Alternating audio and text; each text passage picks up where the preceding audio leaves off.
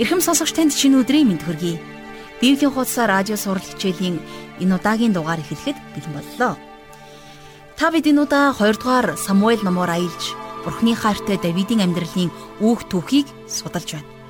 Өнөөдөр бид 2 дугаар Самуэль номынхон 15 дугаар бүлгийн 1-ээс 16 дугаар бүлгийн 23 дугаар ишлэлийг дуустал уншиж судлахдаа Абсалом хүн аавынхаа эсрэг ямар хуйлдаан зохион байгуулснаар Давидэд бурхны шийтгэл хэрхэн ирж байгааг харах болно. Түүний хүү Авсалом Израильчуудыг Сим өөртөө уруулснаар Давид хүмүүсээ аваад Иерусалимаас зүхтахаас өөр аргагүй болдог. Түүний хийсэн гим нүглийг нь бурхан нүдэн аниад зүгээр өнгөрөөгөөгүй болохыг Давид ухаарч ойлгох болно. Гэсэн ч тэрээр бурхан эзнийг өөрийнхөө амьдралын бүх зүйл болгосон нь үнэхээр гайхамшигтай. Та боддоо өөрөө ямар ч зовлон дундуур туулж явсан ч гэсэн Давид бурханыг үргэлж магтаж дуулж байсан. Учир нь түүний бичсэн 150 бүлэгтэй дуулал намаас бид үүнийг бэлхний харж болно. Энд үргэлж ногоон бэлчээр дүлгөө усны дэрвдүр хөтөлжсэн сайн бурханыг магтаа зогсохгүй. Бас зовлон дундуур гайхамшиг өхлийн хүндээгөөр хөтөлж авсан эзэн бурхныхаа төлөө магтаж талархаж түүний өмнө гимшин улааж түүн рүү эргэсэн магтаал дууллууд түүний өмнө дуулсан тэр магтуунууд байдаг. Энд яхин аргагүй Давид хааны дулсан 23 дугаар дуулалыг энэ замчид дуул магтахыг уншиж сонирдуулахыг хүсэж байна. Эзэн бол миний хончин. Надад дутах зүйл гэж нэг ч үгүй. Учир нь тэр дүлгэн усны дэрвдүүр хөтөлж ногоон мэлчээрд хөвтүүлдэг тийм ээ. Давид ийхүү дуулж байна. Та бид бодохдоо үнийг хаанчлалынхаа хамгийн оргил цэцгэлтийн үед дуулсан гэж боддог. Магадгүй ихэнх хүмүүс түүнийг хамгийн амар тайван үед, түүний хамгийн баяр жаргалтай үед энэ дуулалыг дуулсан байх гэж боддог. Гэвч түүний төрсөн хүү Абсалом нь эцгийнхээ эсрэг турхирж байх. Энэ л эцэг хүний хувьд үй гашуу болмоор харуулсал тунд Давид хаан эзэн бол миний хончин. Надад дутх зүйл үнэхээр байхгүй гэж дуулсан байна. Дуулал номын 23 дугаар бүлэг 20 дугаар Самуэль номын 15 дугаар бүлэг Давид Абсалом нарын зөрчил тэмцэлдэн өнөөдрийн Библийн хуудас радио хичээлийн тайлал болон бидний сонорт бидний итгэлийн амьдралд хүрэх болно. Тэгэхээр хичээлийн энэ цагийг бурхан даатгаж хамтдаа залбирцгаая. Яг одоо та бидний төлөө зуучлан залбираасаа гэж хүсэж байна. Бидний бурхан эзэн минь энэ өдөр энэ цагийг бидэнд сойрхож өгсөнд таньд талархаж байна. Та өөрийн ариун сүнсээрээ энэ цагийг хөтлөн дагуулж таны өмнө дуулууртай зөв амьдрахстыг та ивэж ширөөж өгөөч гэж гуйж байна. Танд итгээгүй нэгэн байгаа бол эзэн минь ээ итгэлийн суурийг та өнөөдрийн хичээлээр дамжуулж та тэдний зүрх сэтгэлд барьж байгуулж өгөөрэй. Эзэн минь та тэдний зүрх сэтгэлийн хөрсийг хамгийн сайн хөрс байлгаарай. Тэгээд их эзэн минь ээ жаргал агшийн тайлбар номлолууд бидэнд ойлгуулахыг хүссэн тэдгээр хичээлүүд таны ариун сүнсний удирдамжаар дамжуулан Хүний болгоны зүрх сэтгэлийн хөрсөнд бууж 30, 60, 100 дахин арвин хүржимсийг танд алдар болгон хүргэгдэх болтугай. Эзэн минь хичээлийн энэ цагийн эхнээс нь дуустал таны мотор дүргэж Есүс Христийн нэрээр залбирanгуйж байна. Амен. Харин одоо жаргалагчийн хичээлд анхаарлаа хандуулцгаая.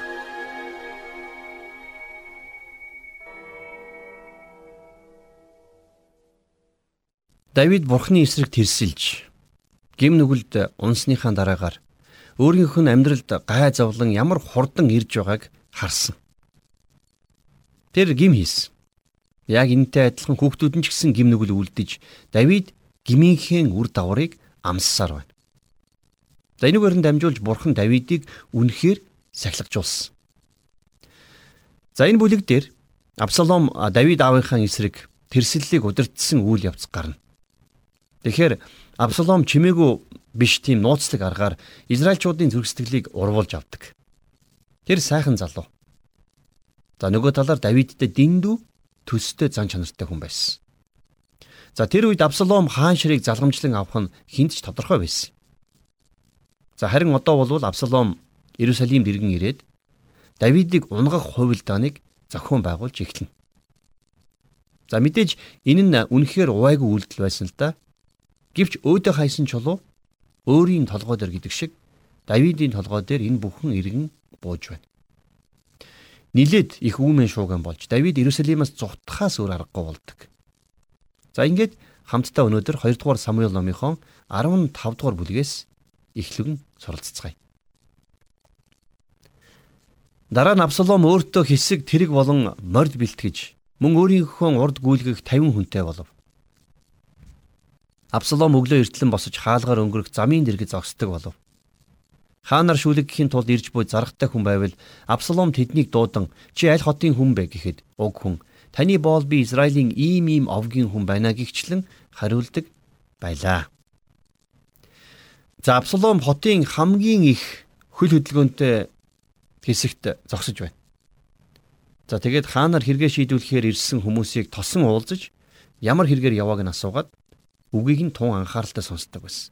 За тэгээд өөрийнхөө санааг тэдэнд хэлдэг байсан байна. 3-аас 4-р ишлэлийг хамтдаа харъя. Тэгэхэд Абсалом түүнд хараач чиний хэрэг сайн хийгээд зүйтэй юм. Харин хааны зүгээс чамайг сонсох хүн нэгч байхгүй гэж хэлдэг байсан. Түүнчлэн Абсалом аяа Хин нэг намайг энэ улсын шүүгчээр томилдгсан бол шүүх зарах бүхий хүмүүр над дээр ирэхэд би шудраг байхсан гэдэг байлаа. За тэгэхээр би дөрөв дээр хэлсэн Абсалом хэдийгээр муу хүү байсан ч гэсэн шилдэг улс төрч байсан нь эндээс харагддаг. Юу вэ гэхлээр тэр маш залтай хүмүүсийг хэрхэн өөрийнхөө талд оруулахыг мэддэг байсан. За цааш нь 15 дугаар бүлгийнхээ 5-аас 6 дугаар ишлэлийг хамтдаа уншийе. Хин нэгэн түүнд ойртон ирж хүндэтгэн мөргөхөд тэр гараа сунган өнөөх хүнийг тэрвэрч үнсдэг байжээ. Шүүгдэхийн тулд хаан дээр ирсэн бүх Израильтай Абсалом ингэж харьцдаг байв. Абсалом Израилийн хүмүүсийн зүрхийг ийн эзэмджээ. За Абсалом үнэхээр ард түмний төлөө гэсэн сэтгэлтэйгээ илэрхийлдэг улс төрч шиг байгаа биз? Ихэнх улс төрчид ингэж л сонгогддог. Бид нэр сайхан инээж, сайхан гараатгахаас өөр их зүйлийг хийж чаддгүй хүмүүс байх нь харамсалтай нь олонтой. А гэвч энэ байдал нь хүмүүс бидний сэтгэлийг өөрийн ирэхгүй татдаг шүү дээ. Тэгэхээр Бурхны үгэн дээр Христийг эсэргүүцэгч буюу анти христ ч гэсэн бас яг ийм маягаар гарч ирнэ гэж бичсэн байдаг. За тэгэхээр ийм хүмүүс бусдад хамгийн сайн тал зас чаддаг хүмүүс байдаг. Тэгэхээр Давидын хүү Абсалом бусдад яг ийм байдлаар тал зас чаддаг хүн байсан. Тэр хотын үүдэн зогсоод би шүүгч байсан бол ямар сайн байх байсан бэ? Тэгвэл ч ёстой та нарыг сайн шударгаар шүүж өгөндөө гэж хэлсээр байсан. Тэгэхээр хүмүүс харамсалтай нь ийм хямд үгэнд хуурддаг. Үг бол хямд байдаг шүү дээ.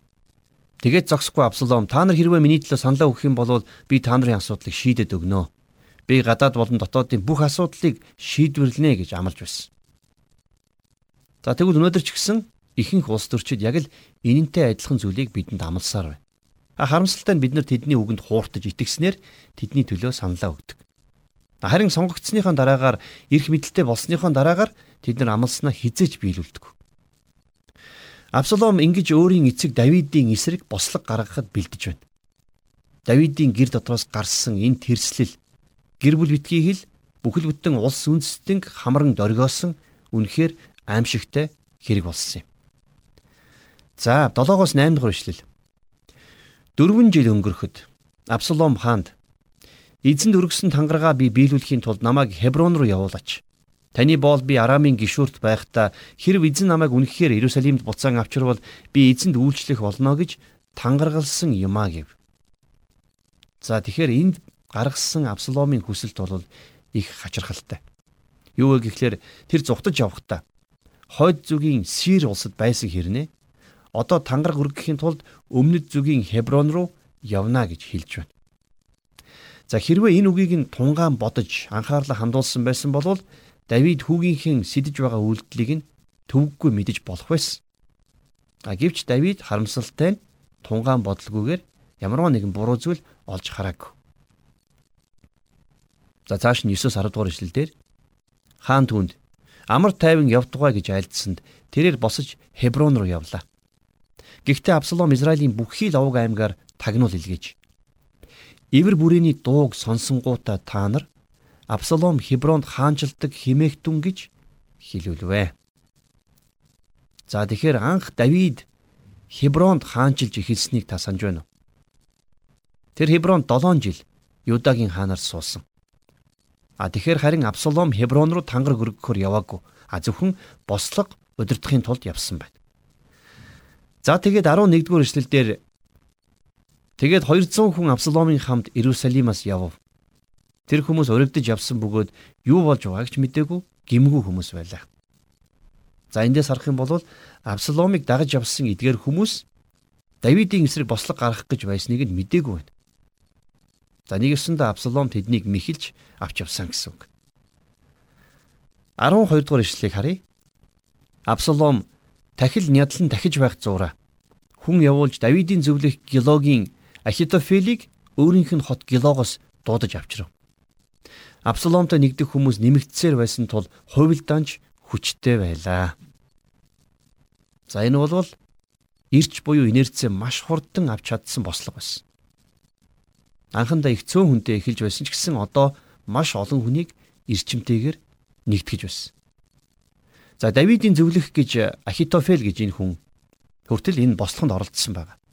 Тэгэхээр үнэндээ Давид яг юу болсныг сайн мэдэж ойлгохоос нь өмнө хүүгийнх нь өдөөсөн бослого эхэлсэн. За 13-аас 14 дугаар ишлэлийг үргэлжлүүлэн харъя. Давид дээр нэгэн илж ирж Израилийн хүмүүсийн зүрх Абсаломыг дагаж байна гэж хэлв. Тэгэхэд Давид Иерусалимд өөртөө хамт байсан бүх түшмэлдээ босцгоо, зугтацгаая. Эс тэгвээс бидний хинэнч Абсаломоос оргон зайлж чадахгүй. Бушуулцгаа. Тэр биднийг үтэр гүйцэж гаа учруулан элдний ирээр энэ хотыг устгах вэ гэлээ. За их сони юм болж байна. Юу вэ гэхлээр Давид Иерусалимаас зугтаж байна. Тэр яагаад зугтсан бэ? Давид Иерусалим хотод дэндүү хайртай байсан.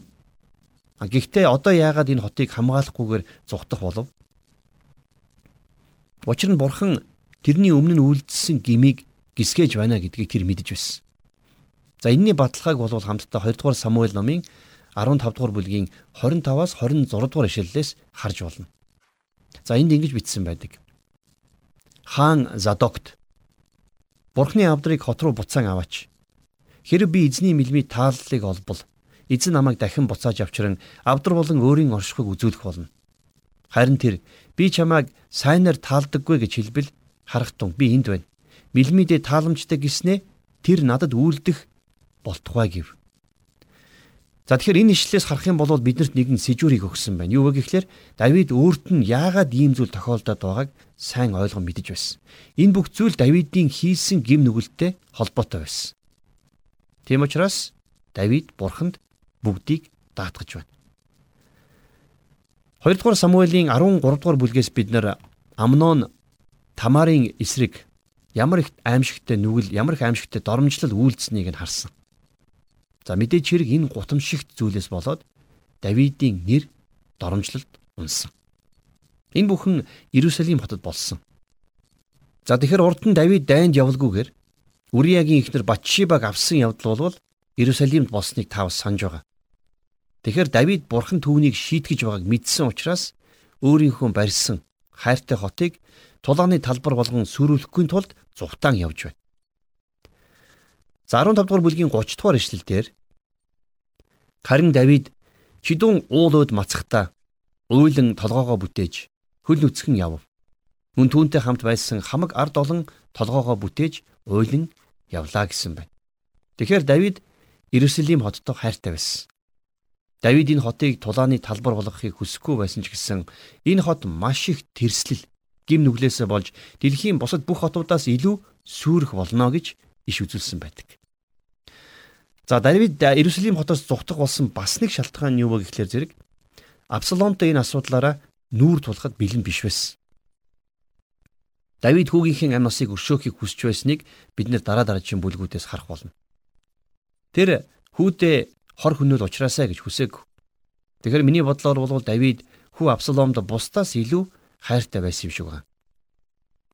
Иерусалимыг орхин явах нь Давидыг үхлийн аюулд хүргэж байгаа хэдий ч гэсэн энэ нь тэрэнд огтхон шин эсвэл аимшигтай тийм зүйл байгаагүй.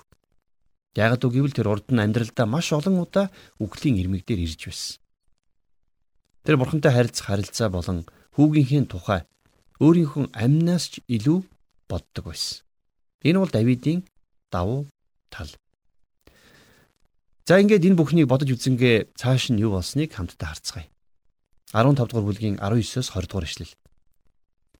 Тэгэхэд хаан гид хүн Итайд юунд чи бас бидэнтэй хамт явна вэ? Буцаж хаантай хамт үлд. Чи гадны хүн бас нутгаасаа дайдсан хүн шүү дээ. Чи дөнгөж өчигдөр ирчгээд өнөөдөр бидний хамт хэрэг хийсүүчлэх хэрэггүй. Би хандсан зүгтэл арилж өгнө. Тиймээс чи өөрийн ах トゥ нараа аваад буцтаа. Инэрл хайр ба үнэн нь чамд байгээ гэв. За Итай гихч энэ хүн бол Филистийн Гат нутгийн хүн байсан. Тэр өөрийнхөө нутагт цэргийн жанжин байсан юм шиг байна. Давид тэрнийг Йоаб за бас Абишай нартай хамт жанжинаар томилдог. Тэгээд тэр Давидэд маш үнэнч байсан учраас гэр бүлийнхээ хамт тэрнтэй явахыг хүссэн байна. За тэгээд 21-с 23 дугаар ишлэл дээр харин Итай хаанд эзэн амьд бас хаан эзэн минь амьд амьд ч вэ өгсөн ч вэ эзэн хаан минь хаа байгаа газар боол би тантай хамт байна гэж хариулв. Тиймээс Давид Итайд явж өнгөрөхтөө гэв. Ингээд гид хүн Итай хамаг хүмүүс болон өөртөө хамт байсан бүхий л багчуудын хамтаар явж өнгөрөв. Орон даяар ордуу болон гашуудж байх үед мөнөөх олон явж өнгөрөв. Хаан Кедрон гууг гатлахад мөнөөх олонч цөлийн зам тийш гатлан гарваа гэсэн байна. Давидэд маш олон үнэнч зүтгэгчд байсан. Давидын төлөө амиа өгөхөөсч буцахгүй тийм олон ирчүүдийн нэг нь энэ гид хүн Итай байсан байна. За цааш нь 24-өөс 25 дугаар ишлэл дээр харахтун Задок бүх леви хүмүүсийн хамт бурхны гэрээний авдрыг авчраад буулган тавьж хамаг ард олныг хотоос гарч дуустал нь бурхны авдрыг Абьятарын хажууд байлгав. Хаан Задок бурхны авдрыг хот руу буцаан аваач. Хэрэг би эзний мэлмий тааллыг олвол эзэн намайг дахин буцааж авчран авдар болон өөрийн оршихуйг үзүүлэх болно гэсэн байна. Давид Бурхны гэрээний авдрыг байх ёстой газар болох Иерусалим руу нь явуулсан. Учир нь яагаад үг гэхээр тэр өөртөө тохиолдож байгаа бүх зүйлс Бурхны шүүлт болохыг маш сайн мэдэж байсан. Тэгээд тэр хотоос гарахдаа чидүүн модтой уул руу уйлан өгссөн гэж Библиэлд байгаа.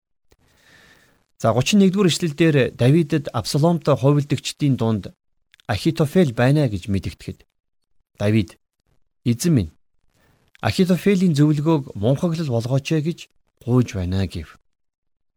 За тэгэхээр эндээс харах юм бол Ахитофел гихч энэ хүн болвол Давидын маш ихээр хүндэлдэг зөвлөгч нь байсан.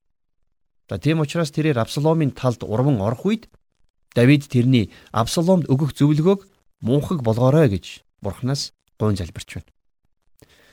Бурхан Давидын энэ гуйлтанд нь хариулсан байдаг. Давид бурхныг Абсаломыг шүүгээд өгөөч ээ гэж гуугаагүй болохыг та анзаараарай. За тэгээд Давид бурханд мөргөл үлдэхээр оргил өөд явсан. За 32-оос 33 дугаар ишлэлдэр бурханд мөргөл үлдэх оргил дээр Давидыг ирэх үед харахтун гадуур хувцсаа урж толгой дээрээ тоос шороо цацсан архе хүн Хушай Давидтай уулзав. Давид түүнд "Хэрв чи надтай хамт явбал чи надад тэр болно" гэж хэлсэн байна. За магадгүй тэр хүн өндөр настай халамж анхаарал шаардах тийм хүн байсан баг. За үргэлжлүүлээд хамтдаа 34-аас 37 дугаар ишлэлийг уншийе. Харин чи хот руу буцаж Абсаломд хаант минь урд нь эцгинт нь зарц байсны адил одоо би таны зарц болёо гэж хэлбэл Ахитофелийн зөвлөгөөг миний төлөө бүтлгүй болгож чадна. Чи тэнд тахилч Задок Абитар нартай хамт байх босуу. Тиймээс чи хааны өргөнд сонссон болгоноо тахилч Задок Абитар нарт дамжуулах тун.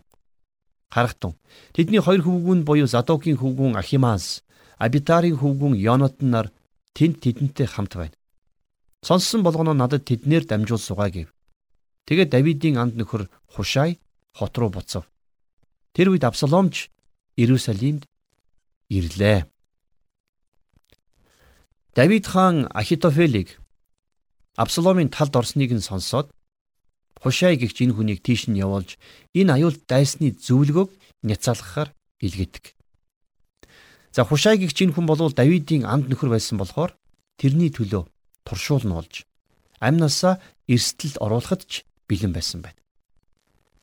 За ингээд хамтдаа 2 дугаар Самуэль номын 16 дугаар бүлэг дээр ирсэн байна. За ингээд нэгээс 2 дугаар ишлэлийг би уншъя. Давид ориглоос цааш жаахан доошлов. Харахтун. Мефибошетийн зарц Зиба хааныг ухтахдаа имээлэлсэн хос илжгэн дээр 200 ширхэг талах хатаасан үзэм 100 багц зуны 100 жимс, нэг тулам усан үзмийн дарс ачсан байв.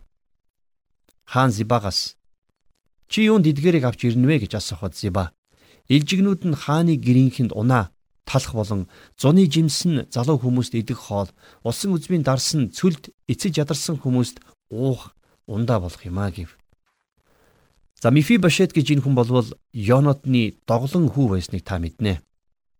Давид Йонотонд үнэхээр хайртай байсан учраас Мифибашет хүүдэн ч гэсэн бас хайр инэрлийг үзүүлсэн. За харин энд Мифибашетийн зарц Зиба Давидын гэр оронд болж байгаа үүмэн савныг хараад Саулийн гэрт дахин хаан ширийн залрах боломжийг өгнө гэж дотроо бодсон байна. Учир нь юу вэ гэхлээр Мифибашет хаан ширийг залгамжлах цорын ганц удмын хүн байсан. За тэгж ийм худлаа юм ярьснараа Зиба Мифибашетийн газар нутгаас өвлөн авахыг хүссэн байна. Тэгэхээр Давид үнэн мөнийг нягтлан шалгах сүгөө байгаагүй учраас Зибад Мифибашетийн газар нутгаас нь өгдөг.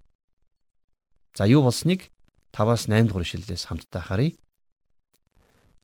Давид хаан Бахуримд хурч ирээд харахтун Саулийн гэрийн нэг ургийн хүн буюу Герагийн хөвгүүн Шимэ гэдэг нэртэй хүн хараал урсгалсаар гарч ирэв. Тэрээр Давид болон Давид хааны хамаг зарцнар руу чулуу шидэв. Ард түмэн хийгээд хамаг хүчит ирс хааны баруун зүүн гар талд байжээ. Шимэ. Зайл. Цус урсгадаг үл бүтэх хүн чи тонил гэв. Эзэн Саулийн гэрийн урссан бүх цусыг түүний оронд хаан болсон чам дээр буцаан буулгаж Чиний хөвгүүн Абсаломын гарт хаанчлалыг чинь эзэн шилжүүлв. Харахтун чи цус урсгагч учир чи өөрийнхөө бузар мууд орогдлоо гэж хараалаа. За Шимээн Давидэд хандаж энэ хэлсэн үгэн дотор үнний ор байсан. За үнэн дээр Давид үнэхээр их хүний цусыг урсгасан. За энээсээ болоод эзний шүүлтийг амсаж байна. 9 дугаар ишлэл.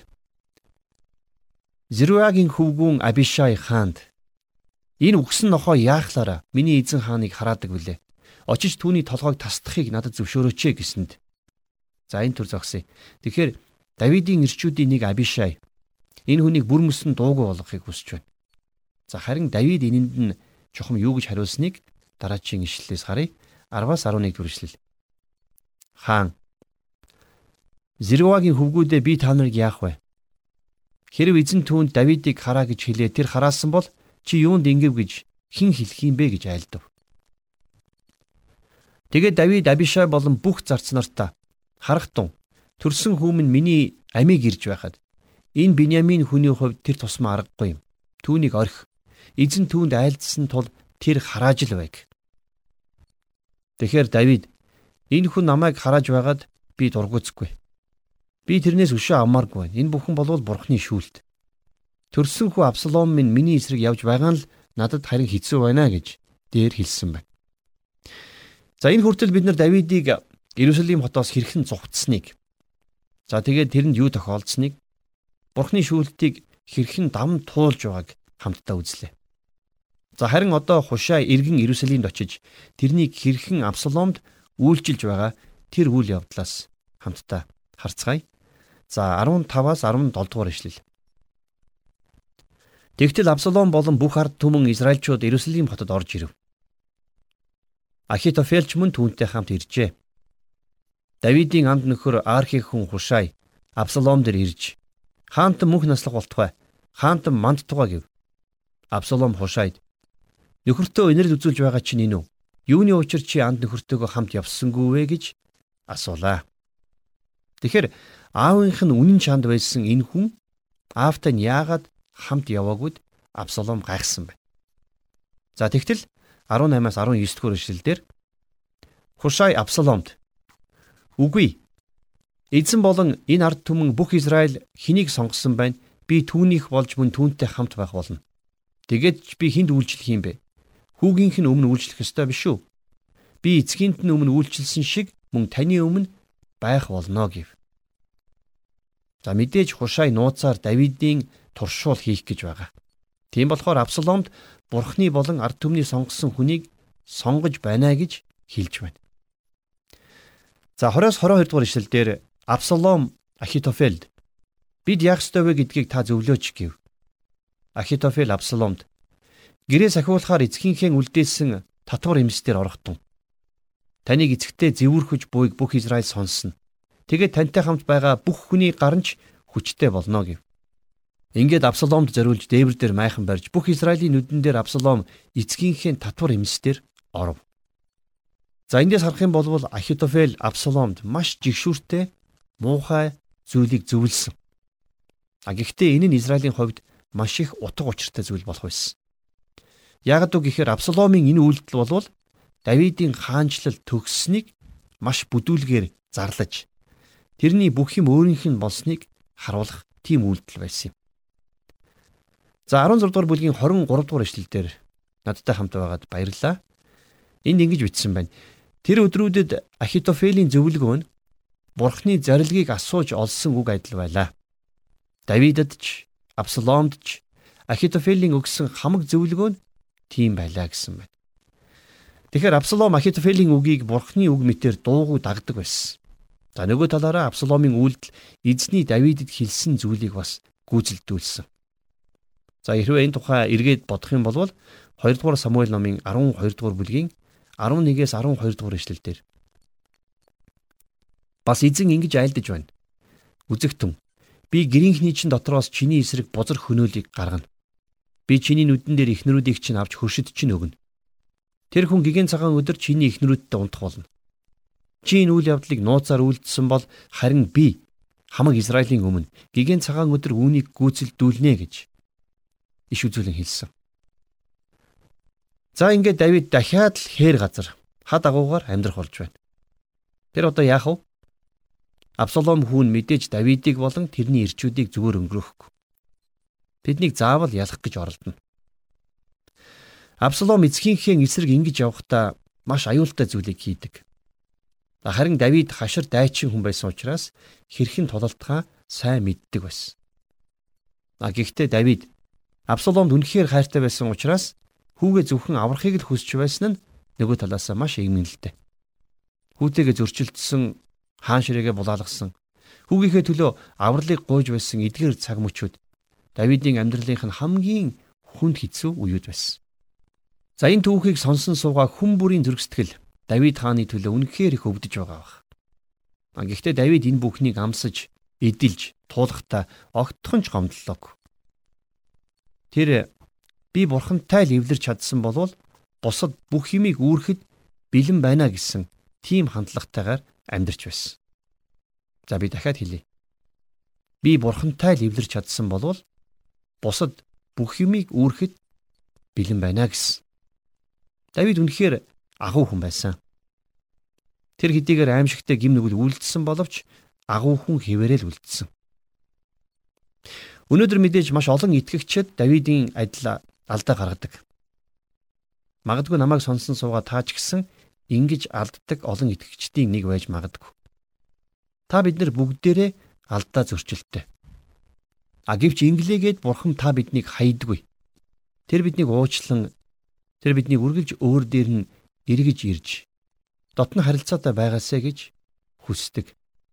Агуу бурхан юм шүү дээ.